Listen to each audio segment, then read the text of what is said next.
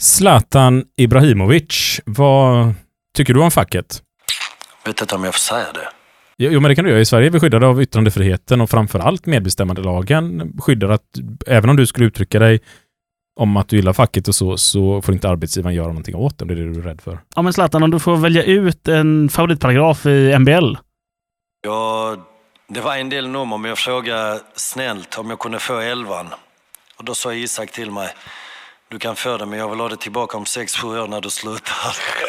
Precis, för vi måste ju kunna förhandla med eller arbetsgivarna måste ju ha förhandlingsskyldigheten också, även om du lånar den en stund. Så så, du ska få första matchen, det lovar jag dig.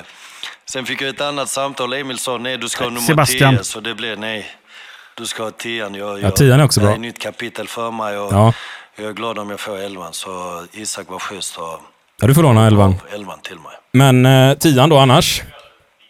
Emil erbjöd mig tian och Sebastian jag heter känner han. det var det gamla Sebastian Zlatan, det är till- det nya Zlatan. Så vi Sebastian. börjar med ett, eller börjar, vi, vi kör med ett nytt. Ja, Men nummer, det, det Sebast- spelar ingen roll för mig. Jag sa tian i första mötet. ja men... Han frågade mig Ja, om nummer, jag sa ja, det spelar ingen roll för mig. Jag Nej. är bara glad jag är Nej. tillbaka och men ja.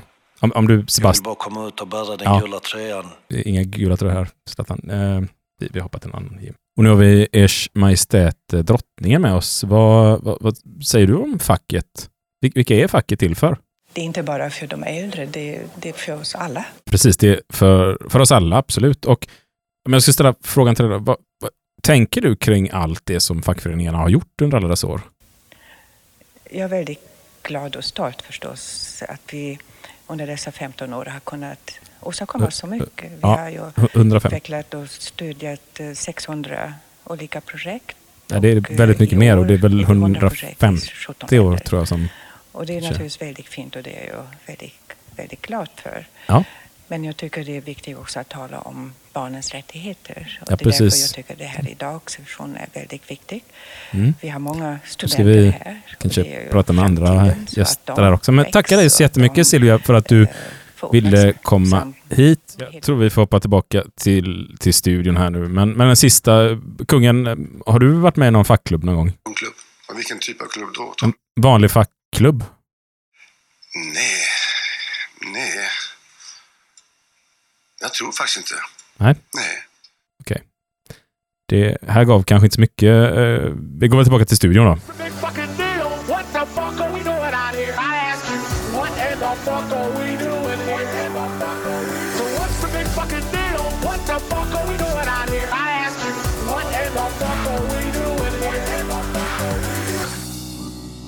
Fuck You Podcast avsnitt 88. Sveriges mest lyssnade fackliga podcast. Som drivs helt ideellt av dig, mig och Sebastian. Och jag heter då Jim Tellefsdal. Och jag heter Isak Ekblom. Vad sysslar vi till med till vardags? Vi är tre förtroendevalda. Jobbar i motorbranschen, gör du och jag. Sebastian, han är lärare. Det här är ett specialavsnitt som vi har gjort åt eh, ABF Västerbotten. Till eh, hela LO tror jag egentligen, till alla fackliga utbildningar, tvärfackliga utbildningar, medlem i facket-utbildningar tror jag det här avsnittet ska ligga med i. Och så kände vi så här, det är klart att vi ska även släppa det i Facket Podcast. Så att eh, det här är ett avsnitt som man eh, kan skicka ut till sådana som kanske ännu inte är medlemmar i facket eller som funderar på vad fan är facket för något? Är det verkligen någonting vettigt? För Eller om man vill använda grejer som vi säger här till att värva medlemmar eller berätta för sina familjemedlemmar varför man ska vara med i facket och varför facket är viktigt. Så vi ska på 30 minuter idag försöka och förklara vad är syftet med facket. Och det är inte helt lätt för det är så jäkla mycket mer än vad man kan ens beröra på 30 minuter. Men det är en liten grund i alla fall. Så för er som är nya så ta och sätt på ett avsnitt av det ni tycker är intressant. Eh, vi eh, är inte på något sätt sponsrade av något så det ska vara helt fritt det här. Och eh, vi tar upp både positiva och negativa aspekter av allting. Det man ska ha med sig är väl att ur ett modernt perspektiv så är fackföreningarna något extremt nytt och modernt. Det har knappt funnits i 150 år. Människan har jobbat i närmare 10 000 år och varit anställd hos andra. Så att är allting på sin plats? Absolut inte. Kommer allting vara perfekt? Absolut inte. Det här är sin uppstart. Det är jättemycket som behöver utvecklas, förbättras, förändras och det är där du som lyssnare förhoppningsvis skriver in och gör det här arbetet. Det är ingen annan som kommer att göra det. Det är vi tillsammans, enbart. Ska vi rulla in i dagens avsnitt? Det kör vi. 30 minuter på oss Jim och förklara vad fan är facket liksom? Eller varför har man det? Löser vi det? Vi får se till att lösa det helt enkelt. Något litet grundligt i alla fall. Det största problemet skulle jag ju säga är så här att alla som vet vad facket gör, och då menar jag brett alltså vad de verkligen gör, och det är inte alla förtroendevalda som har koll på det heller, allt man gör, liksom, eller allt som vi gör tillsammans, ska man snarare säga. Alla de är ju med i facket. Men har man inte koll på allt detta, då kan jag förstå att man tycker mycket är skit och kass och sådär. Så 30 minuter ska vi försöka reda ut och då kommer vi bara hinna skrapa på ytan på det här jätteisberget. Vi kör igång. Vi kör igång. Men om vi börjar med den här stora frågan, svenska modellen. Alla har hört talas om svenska modellen. Alla någonstans bara, oh, det är svenska modellen som gäller i Sverige. Eh, väldigt få kan förklara vad det egentligen är. Men om vi tar och börjar med den här liksom kanske yttersta frågan, varför man går till jobbet. Lön. Vad är den lägsta lönen man får ha i Sverige enligt lag? Du hörde att jag var helt tyst här, för det är ju, det är ju precis det. Det är ju ingenting. Det Precis. inte någonting. Noll. Noll jävla kronor. Så kollar man sån här någon dokumentär och blir arg att det har kommit bärplockare hit från ett annat land och så jobbar de och plockar bär hela sommaren. Så de inte ens råd att flyga hem till sitt hemland och så säger åh, det är kriminella arbetsgivare. Nej. Finns det inte ett kollektivavtal? Oreglerat. Det handlar om vad man har kommit överens om. Och är det noll man har kommit överens om, då är det noll. Så där börjar den svenska modellen någonstans. Där har vi kanske första svaret. Varför behövs facket? Kollektivavtal. Och var nu inte oroliga, vi ska lite djupare gå in på vad den svenska modellen faktiskt innebär. Men det här är en, liksom en grundläggande bit. Det finns rätt mycket saker som inte är reglerat i Sverige kring vad som ska gälla på arbetsmarknaden. Vi har några fåtal regler att man ska ha i princip 25 semesterdagar per år om man är anställd. Ja, minst 25 semesterdagar per år. Och man ska jobba 175 timmar i snitt i månaden. Och till viss del är nattarbete delvis förbjudet. Man har rätt till lite veckovila. Men det är ju inte så extremt mycket mer saker än så som är reglerat. Föräldraledighet, studieledighet. Men det, det är liksom, där tar det stopp. Många tror att alla de här lagar om, eh, vad ska vi ta, OB-tillägg. Finns det någon OB-tillägg i lagen, Jim? Jag har aldrig sett någonting i lagen om det. Nej, det, det är som jag brukar säga, det är ett jävla påhitt. Det är precis vad det är. Och vi kommer vara lite så kanske nu, nu får ni tänka, det finns givetvis kanske en djupare tanke än det vi slänger ut oss nu, men i grund och botten, det är någon som bara har sagt att nej men vänta lite nu, eh, jobba en kväll, det är obekvämt, fan, det är väl ha mer lön. Bara hittat på, OB-tillägg vill jag ha. Och någon gång någonstans, vadå OB-tillägg, vad är det? Obekväm arbetstid. Nej, det finns ingen obekväm arbetstid, all, all uh, arbetstid är väl obekväm. Ja, men det är, eh, ska, bara extra betalt ska jag ha för de här tiderna. Nej, vad ska mer?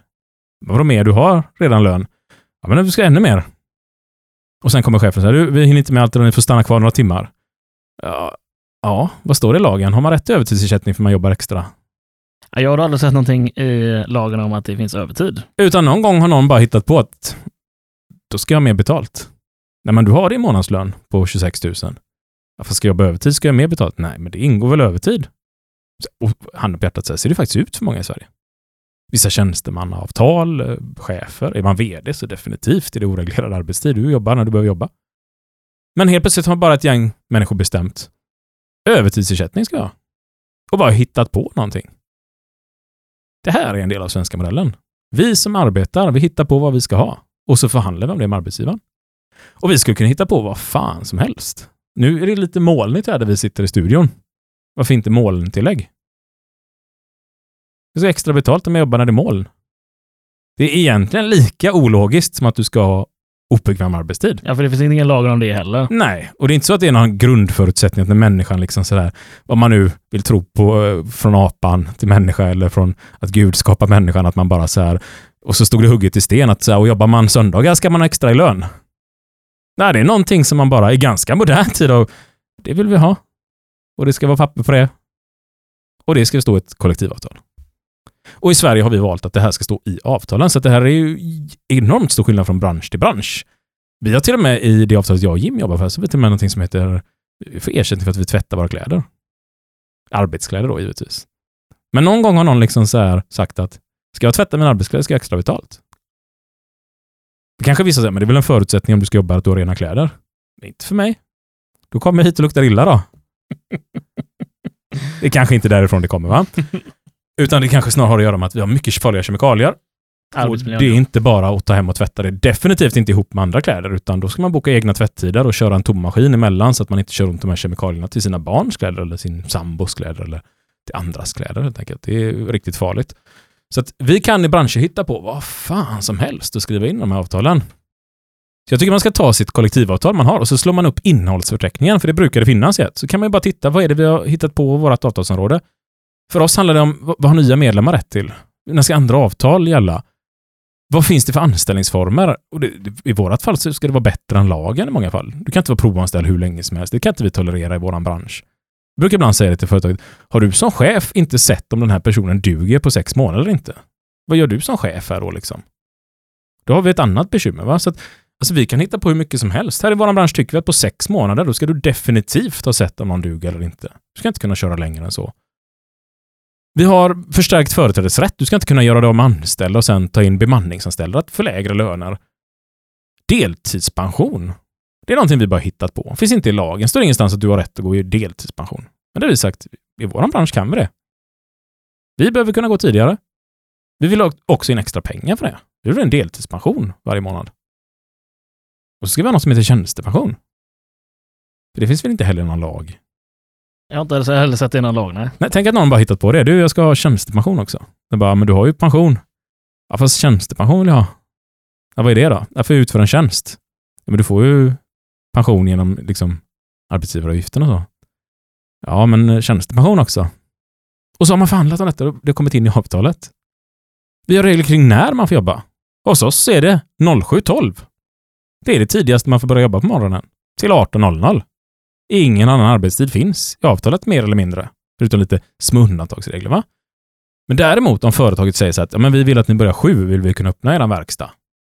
Då sätter vi oss ner vid förhandlingsbordet och så löser vi någonting tillsammans. Men då kan det innebära lite mer i lön. Det kan innebära att jag vill ha lite mer kompledighet. Jag vill ha bättre ledighet vid jul och nyår. Alltså, vi har möjligheten att sitta ner och komma överens. Om något kan man väl säga att det är flexibilitet på arbetsmarknaden. För det brukar man ofta höra som ett argument att ja, det är inte tillräckligt flexibelt med ett kollektivavtal. Nej, men jämför det då med att ha en lag som ska gälla alla. Ja, här ska det se ut på alla företag i hela Sverige. Det ska leva upp till detta. Mm. I Sverige har vi istället våra avtal som skiljer sig från bransch till bransch. Och dessutom, som i vårat kollektivavtal, nästan varenda punkt kan vi förhandla om lokalt så länge vi tillsammans, vi som arbetar på den här arbetsplatsen, är överens med arbetsgivaren. Och det kan skilja från förbund till förbund och från avtal till avtal. Vi har en mängd olika former av hur lön ska betalas ut. För inte någonstans i lagen står det väl att lön ska betalas ut en gång i månaden den 25. Det finns inte det heller. Kompledighet.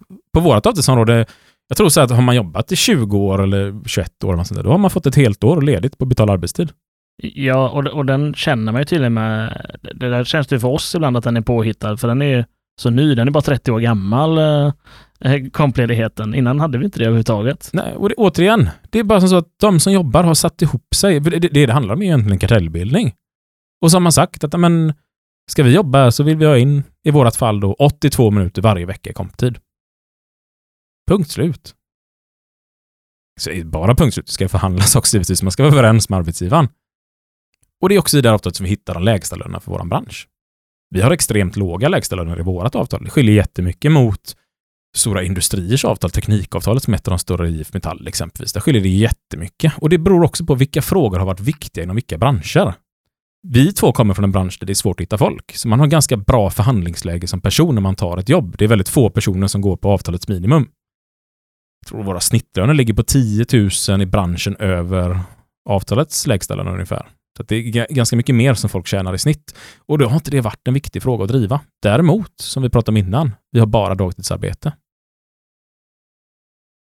Det har varit en viktig fråga för oss. Det här är ju extremt flexibelt, att branscherna kan utifrån sina behov och vad som behövs där, kan man på någonstans komma överens om vad ska gälla här. Sen har vi 15 paragrafer till med 7, 8, 9 moment inunder med olika regler och sådär. Vi, vi, jag tänker vi hoppar dem nu, det är lite, så sparar vi lite på det goda. Och så tittar ni era egna avtal. Vad finns det i dem? Så ser ni vad man bara har hittat på. Ja, och det viktiga är ju att det är en partsmodell. Alltså, på arbetsmarknaden pratar man inte i facket och arbetsgivaren. På bostadsmarknaden, ja, men då är det Hyresgästföreningen ihop med ägarna av fastigheterna. Det finns grupper på Arbetsmiljöverket där det är Ja, men då är det fack, någon arbetsmiljöansvarig som sitter och pratar om frågor och så är det någon från arbetsgivarsidan. Så vi kommer överens om saker. Det är det som är hela den svenska modellen, det är att vi, vi diskuterar det, förhandla fram någonting som vi båda vill ha, som passar för båda. Och så är det det som, ja, i vissa fall då kanske till och med blir lag. Det är i alla fall det som gäller på marknaden. Sen kan man ju fråga sig varför skriver då företagen på de här, alla de här kraven som vi ställer tillsammans? För att de kommer ju likadant varje år som man ska förhandla om kollektivavtalet. Eller varannat eller var tredje, eller vad man nu har förhandlat in. För det är också någonting vi beslutar om tillsammans. Hur länge ska det gälla? Så ställer de sina krav. Nu vill vi införa det här och det här och det här och det här om ni ska få jobba i vår bransch.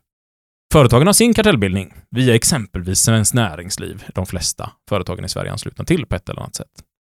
Och där gör de, precis som sin lilla fackförening skulle vi kalla, kalla det, ställer de sina krav gemensamt mot alla som arbetar och lönebildar emot oss.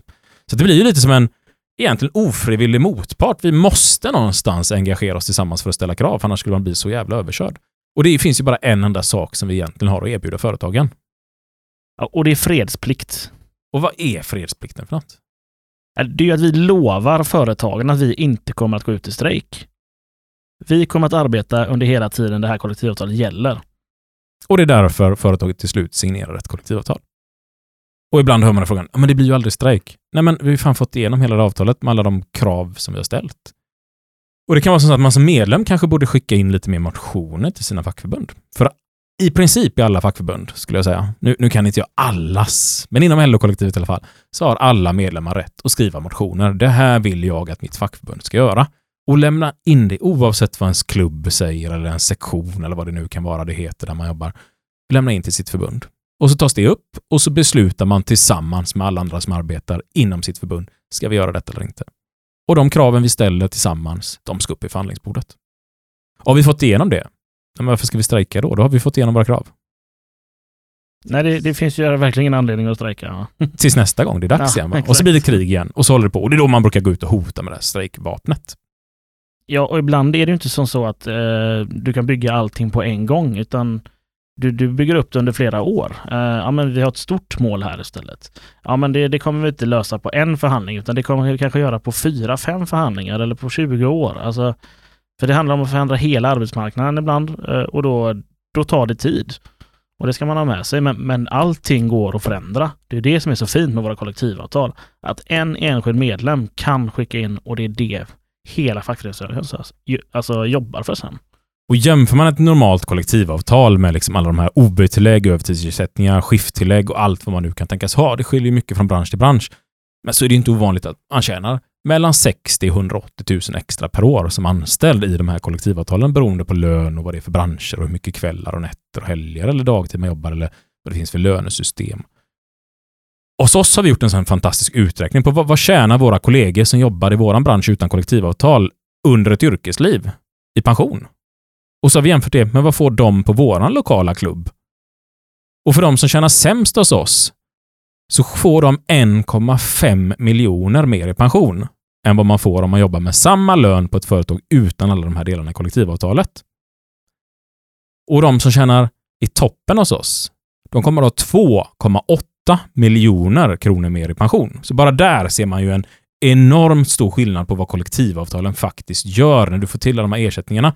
För det kan vara så att man står och funderar på två jobb. Oh, jag tjänar 31 000 i månaden på det här stället utan kollektivavtal och 29 000 på stället med kollektivavtal. Och så tänker man att det är ju jättebra, de har högre löner än kollektivavtalet. Men när det väl kommer omkring och vi väl tittar på alla ersättningar som finns och pensionsavsättningar och allting, försäkringar, så kan det vara en enormt jäkla stor skillnad. Och ibland hör man det här, ja, men det är dyrt att vara med i facket. Okej, Okej, de som tjänar sämst av oss, de får 1,5 miljoner extra i pension. Hur mycket betalar de med fackavgiften? Betalar du det under ditt liv i Ja, jag, jag kommer nog inte göra det. Och det här är utan räntor. Det här är helt utan räntor nu. Har du dessutom lite ränteutveckling på de här pengarna så kan det ju bli betydligt mycket mer än 1,5 miljoner, kan vi ju konstatera. Men om man jobbar hos er då, men så är man inte medlem i facket. Det blir många irriterade av ibland. Nu hos oss är det som så att i princip varenda en är anställd för att vi informerar och pratar mycket om vad det är vi gör och hur det funkar. Men det är klart att det finns alltid de som kommer in och som inte känner till vad facket är och som inte riktigt förstår syftet med det och tycker att det är mycket. För de säger men jag får ju det här ändå. Och så är det ju faktiskt med våra stora svenska kollektivavtal, att medbestämmandelagen talar om att kollektivavtalen ska vara normerande verkande, så att alla som arbetar på en arbetsplats ska avtalet gälla för, oavsett medlem eller inte. Och det funkar ju faktiskt bra till den delen att eh, jag kan vara på en arbetsplats. Så länge arbetsgivaren är snäll och ingenting, inget fel händer, de gör aldrig någon felutbetalning, så glider jag med på en räkmacka resten av mitt yrkesliv utan att betala fackavgift. Så länge alla andra betalar den. Sen ser vi ju branscher med väldigt få medlemmar, där avtalet bara blir försämrat, försämrat, försämrat och försämrat för att det är inga som engagerar sig. Och man är inte medlem och man tänker att ja, men jag får ju ändå alltid avtalet det funkar ju inte att göra så om man inte är medlem, utan det krävs att vi allihopa är tillsammans. Sen räcker det ju inte att vi har medlemmar som bara är medlemmar och betalar, utan det måste ju också engagera sig, läsa avtalet. Vi hade ett sånt ärende hos oss på vår arbetsplats, en, en bra arbetsplats skulle jag säga, där man helt enkelt har missat att betala ut ett helt år deltidspension till alla anställda i ett helt bolag. Och ingen märkte det av de anställda. Och vi stod ändå och sa, gå in och kolla att ni har fått er pension, för vi kan inte se, jag kan ju bara se min egna pension när jag går in och kollar. Och så visade det sig att alla anställda har gått utan det ett helt år, just deltidspensionen. Så det var närmare en miljon kronor som vi fick ta ut i skadestånd. Och då är det en lite skillnad. För då är det ju simsalabim som så att det här brottet, att man inte har betalt ut de lönebitar man ska, ja men det är ju ett brott mot fackförbundet man har tecknat avtal med. Det är inte mot dig som individ. Och då går ju skadeståndet till fackförbundet. Och då är du inte garanterad att få några pengar som icke-medlem. Så att skulle någonting hända, skulle någonting någon gång vara fel, så är du inte garanterad att få någonting. Så där är det en extremt stor skillnad på att vara medlem och inte. Så vi ska dels ha med oss att det funkar ju bara att stå och inte betala så länge alla andra gör det. Och du är heller inte garanterad någonting mer än att ja, arbetsgivaren ska, om de gör korrekt ifrån sig, även betala ut till dig. Ja, och det är ju jättevanligt att det blir fel. Alltså så här, även om man inte vill göra fel som chef eller arbetsgivare, alltså det händer grejer ändå. Ja, här bytte man ju system, ett datasystem och förstod inte att man var tvungen att lägga till det. Plus att man tagit in en ny löneadministratör på just det här bolaget. Så jag litar på mitt företag när man säger att det är ett tekniskt fel. Vi har missat, vi har gjort fel, vi tar på oss det. Men det blir fortfarande en felaktig utbetalning. Icke-medlemmarna fick ingenting. Nej, och där fick vi också räkna ut då räntorna vad de skulle blivit. Det var, för vissa var det 30% ränta på pengarna med. Så det blir väldigt mycket pengar som har stått som man inte, och det fick inga icke-medlemmar ut heller. Så där går man miste om saker och ting i så fall. Nu var det bara ett få fåtal personer hos oss. Men eh, de hade tjänat under hela sin livstid att betala fackavgift istället för att få tillbaka de här pengarna. Ja, det har de tjänat in med råge. Men det var bara ett litet sånt exempel. Jag brukar visa en bild, och det är lite dåligt att göra i poddformat, på vår avtalstrappa som vi kallar den. Men om alla försöker så här, tänka sig framför att man har en trappa framför sig. Så längst ner i den här trappan så har vi ett steg som vi brukar kalla ILO-konventioner. Och det är som så att man samlas ju i FN i princip de flesta länderna i hela världen. Och där bestämmer man vad ska gälla på arbetsmarknaden i hela världen. Och där har vi bland annat fått barnkonventionen som talar om att inga under 13 år ska uppehålla en anställning och lite sådär. Och vi har också lite regler kring vissa arbetssjukdomar, vibrationsskador och så vissa kemikalier som man har förbjudit över hela världen. Här sitter vi från facket med, ihop med både arbetsgivare och politiker. Och det är vårt första steg som ska göra lite bättre på jobbet. Steg kan vi vilja kalla det. Om vi tar ett steg upp i trappan, vad finner vi där då? Då har vi EU-lagstiftningen. Och här har vi ju regler som regleras i, över hela EU då och som ska implementeras eh, lokalt i alla länder. Vad kan vara ett exempel här på lagstiftning? 11 timmars dygnsvila är väl en av de kända som eh, kommer ifrån EU-lagstiftningen. Vilka är det som stiftar det? Och här är det då politiker som stiftar lagarna. Och nästa steg i trappan, Isak? Då kommer vi till den svenska lagstiftningen. Alltså de regler vi beslutar om i Sveriges riksdag som ska gälla inom svenska ramarna. Och då är det ju som så att då ska vi ju genomföra det som har bestämts i EU, så att det är ju en del i det. Men sen har vi lite av de här grejerna vi pratade om i, i början. Av. Vi har en, en lag som talar om att man får engagera sig fackligt. Vi har en medbestämmande lag så att vi ska ha rätt till lite medbestämmande på jobbet. Vi har rätt till tjänstledighet för föräldraskap och studier och lite sådana grejer. Men det är inte så mycket lagstiftning egentligen som reglerar just arbetsmarknaden. Utan det börjar vi finna i nästa steg. Och då har vi någonting som kallas för huvudavtal. Och det är ju någonting då som tecknas eh, med de centrala parterna i Sverige. Exempelvis LO, TCO, SACO. Det är de eh, på den fackliga sidan då. Sen har vi väl Svenskt Näringsliv och SKR då som kanske gäller för de kommunala. Exempel på sådana huvudavtal, vad kan det vara? Vi har ju pensionsavtalet och eh, våra foraförsäkringar och sånt här. Det är nog det största som på vår sida i alla fall. Och nästa steg i trappan då Isak? Men då kommer vi in på de här som vi i folkmun brukar kalla för kollektivavtal eller riksavtal, kanske mer korrekta ordet eftersom det är kollektivavtal som gäller för hela fackförbund i hela riket. Och då börjar vi hitta de här som vi pratade om här i början, alla de här reglerna för vad ska gälla i våran bransch. Och det här steget ihop med huvudavtalen, det är ju facken som förhandlar med arbetsgivarna om. Och sen har vi faktiskt ytterligare ett steg i våran trappa. Vi har de lokala avtalen här, där vi förhandlar då kanske på vårt företag eller vår arbetsplats. Eh, ja, men som du pratade om här, klockan 07.12 eh, vill inte vi börja, vi vill att vi börjar klockan 7. Ja, men då vill vi sluta vid den här tiden i så fall.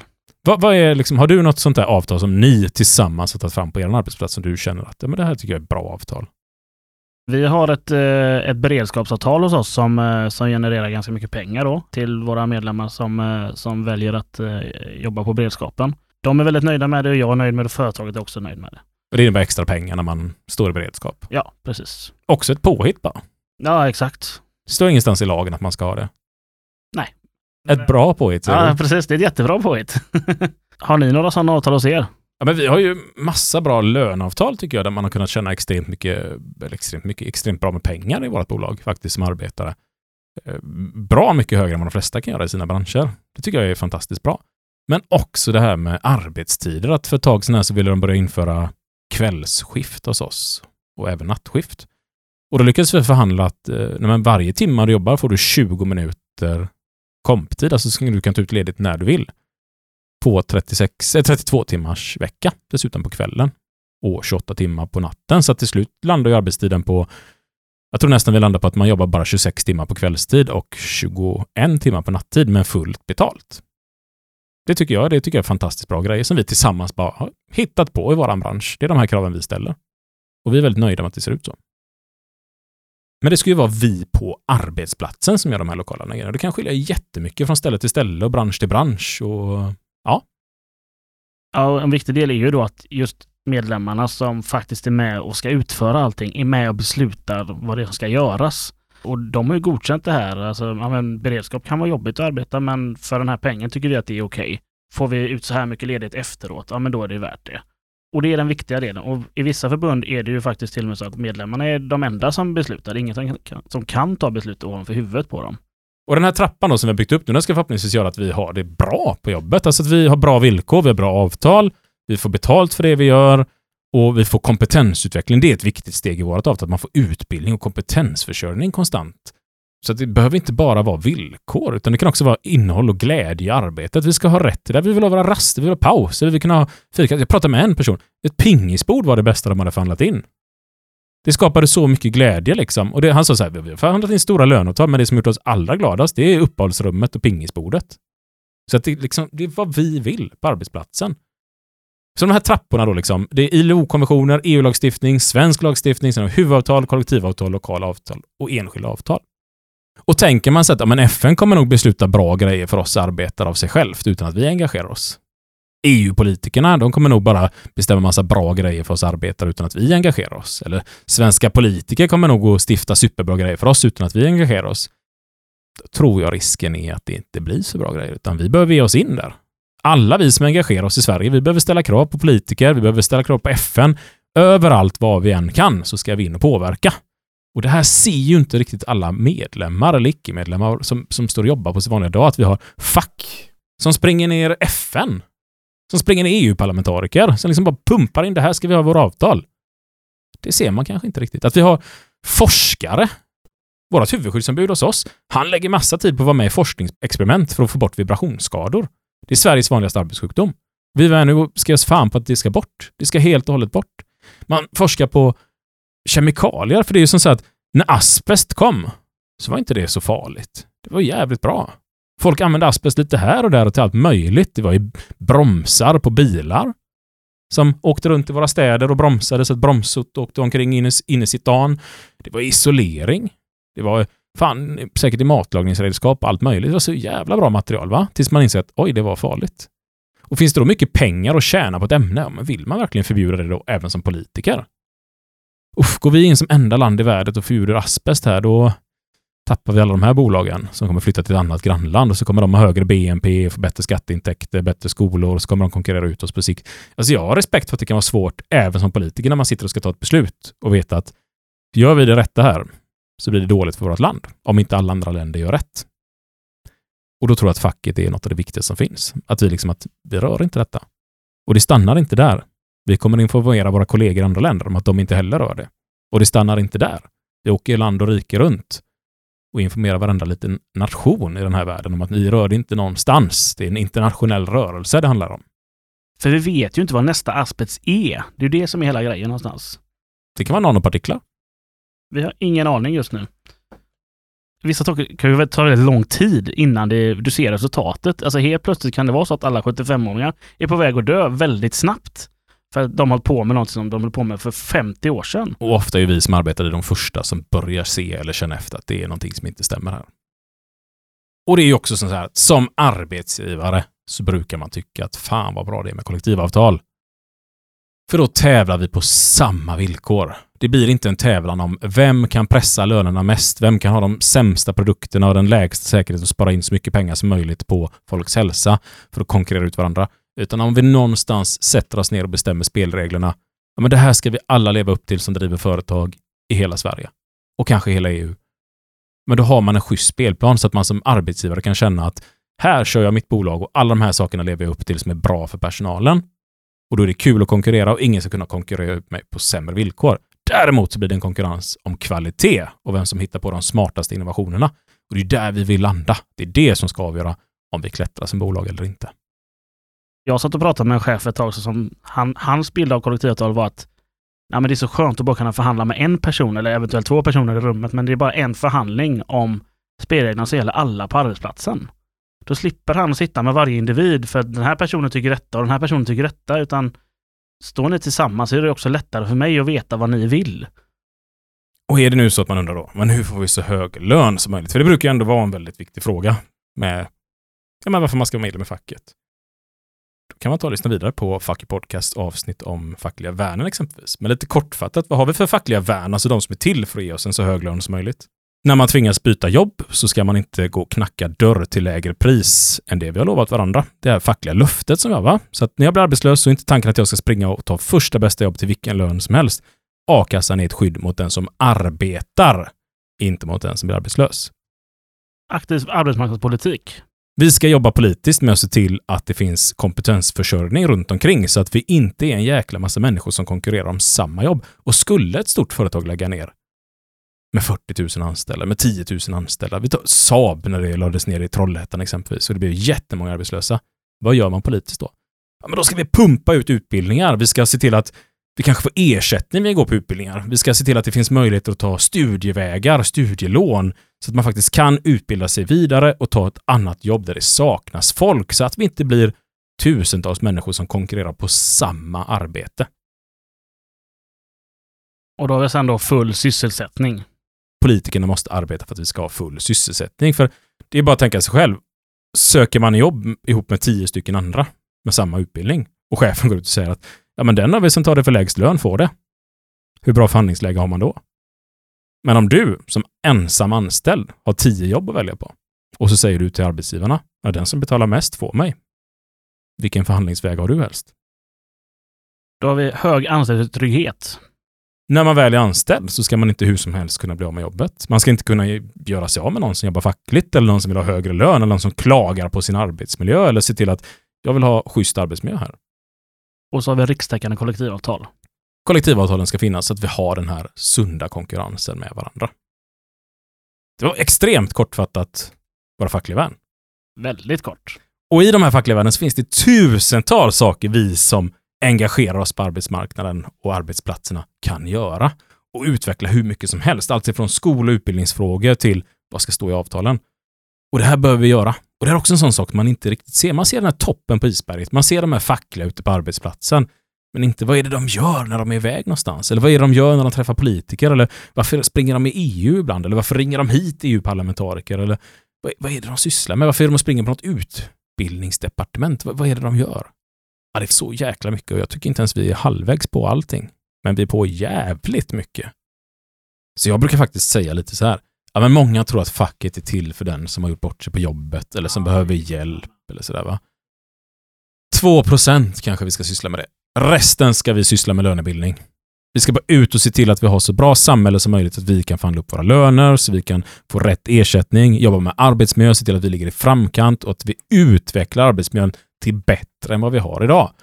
Och när man åker runt i andra länder och tittar på hur det ser ut, man kan ibland som facklig känna så här, jag springer ju bara och vi vinner aldrig några förhandlingar, vi bara tjafsar och det händer aldrig någonting. Och så åker man utomlands och så ser man, vilken extrem skillnad det är att arbeta i Sverige och bara i England exempelvis. Du och jag var ju och kollade i några engelska toppmoderna fabriker som de kallar det. Och vi fick lite känslan att vi var i 70-talet i Sverige. Någonstans. Levde inte ens på 70-talet. Nej, precis. Kanske till och med var bättre på 70-talet. Men det man har sett det från 70-talet i alla fall. Va? Och, och bara känna att vilken jävla skillnad alla gör som är engagerade. Och vilken skillnad det gör att medlemmarna i Sverige vågar stå på sig. Man vågar tala om att du, prata med mitt fack. Jag är medlem. Ställer krav tillsammans. Det gör sån enorm skillnad. Och ibland brukar jag dra den här, jag vet inte vem det var som skapade den här, men jag tycker den är så bra, den här jämförelsen med myggmedel. Ja, man ska upp på fjällen eller till någon sjö och fiska eller något, va? eller bara åka till Värmland. Eller kan vara, där har vi mygg. Och så smörjer man sig med myggmedel, va? Och det är ganska dyrt det här myggmedlet, det kostar 80 spänn eller något. Smörjer man sig med det. Och så sitter man där och tänker, fan köpte jag det för 80 spänn för det är ju inga mygg, jag blir aldrig stucken. Och så tar man bort myggmedlet. Då kommer de fram och sticker den, de jävlarna, va? Och man kan se facket lite som samma sak. Att vet man inte vad facket gör, man kanske är på en arbetsplats som är faktiskt ganska schysst, det finns en fackklubb eller det finns en organisation eller har funnits innan och sådär och företaget beter sig ganska bra, så kanske man tänker att men varför ska jag vara med i facket, det händer ju inget dåligt. Men det är bara att titta på vad som händer när facken inte finns. Då kommer myggorna fram. 30 minuter har gått nu Isak. Vad har vi missat? Det är väl egentligen hur mycket som helst, men eh, jag tycker ändå vi har gått igenom ganska mycket också. Så de mest, så här, det här kan vi trycka in på 30 minuter. Men är det någonting jag vill skicka med er att lyssna på, så de fackliga värnen förklarar hur mycket som helst om vad facket håller på med. Och så tycker jag att man ska någonstans börja titta på medbestämmandelagen, vad den egentligen går ut på. Och kanske propositionen, alltså förarbetet till MBL. Det är de grejerna som så här, det är syftet med fackförbundet. Vi ska tillsammans demokratisera arbetslivet i Sverige. Alla som lever och verkar i det här landet ska kunna påverka sin vardag och vara med och styra vart landet är på väg, för det är vårt land tillsammans. Har man ett företag där man inte vill lyssna på personal, man vill inte samarbeta med personalen, då finns det många andra länder att välja att lägga sitt företag i. Här i Sverige, svenska modellen, vi ska tillsammans skapa något bra av det här landet.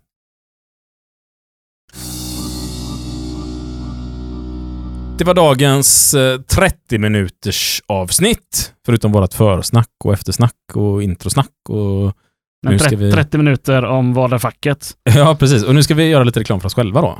Vi sa att det, vi försöker hålla den här helt 100% reklamfri. Vi har än så länge inte lagt en krona på att göra reklam. Vi har inte heller tagit emot en enda krona i reklam. Utan det ska vara fri kunskap är tanken. Men för att kunna driva den här podden så behöver vi ju stöttning. Ja, och då kan man bli eh, stödmedlem till oss om man vill det. Och då tar man eh, upp sin telefon och så swishar man till eh, nummer 123 09 084 26. Och då blir man också medlem ett år i vår förening. Då har man rätt att vara med på vårt årsmöte. Man eh, kan också bli inbjuden till lite så här after work-quiz och grejer som vi kör ibland online. Så kan man sitta var man vill i landet. Sist var det ett, ett gäng som satt i närheten av studion då, men hemma hos sig själva i Kungsbacka och festade på ordentligt ett helt gäng till vårt quiz som gick. Och det är man varmt välkommen att vara med på i så fall. Något mer vi vill skicka med till lyssnarna? Ja, alltså det är ju det här med att vi ska, vi behöver hjälp att dela och sprida podden. Så dela det på sociala medier, eh, berätta för kollegorna, berätta för familjen, alla du träffar helst. Så slipper vi lägga pengar på reklam och kan lägga pengar på verksamhet istället. Och framförallt kommer du på sikt behöva tjäna jävligt mycket mer pengar ju fler som lär sig om facket. Ju fler som ställer krav på sina arbetsgivare, ju fler som utbildar sig, ju fler som bildar facklig verksamhet lokalt och faktiskt tar tag och göra bättre villkor. Men då kanske man är den här personen som till slut kan välja och vraka mellan tio olika arbetsgivare och säga att den som betalar högst får mig. Vi hörs. Ha det gott!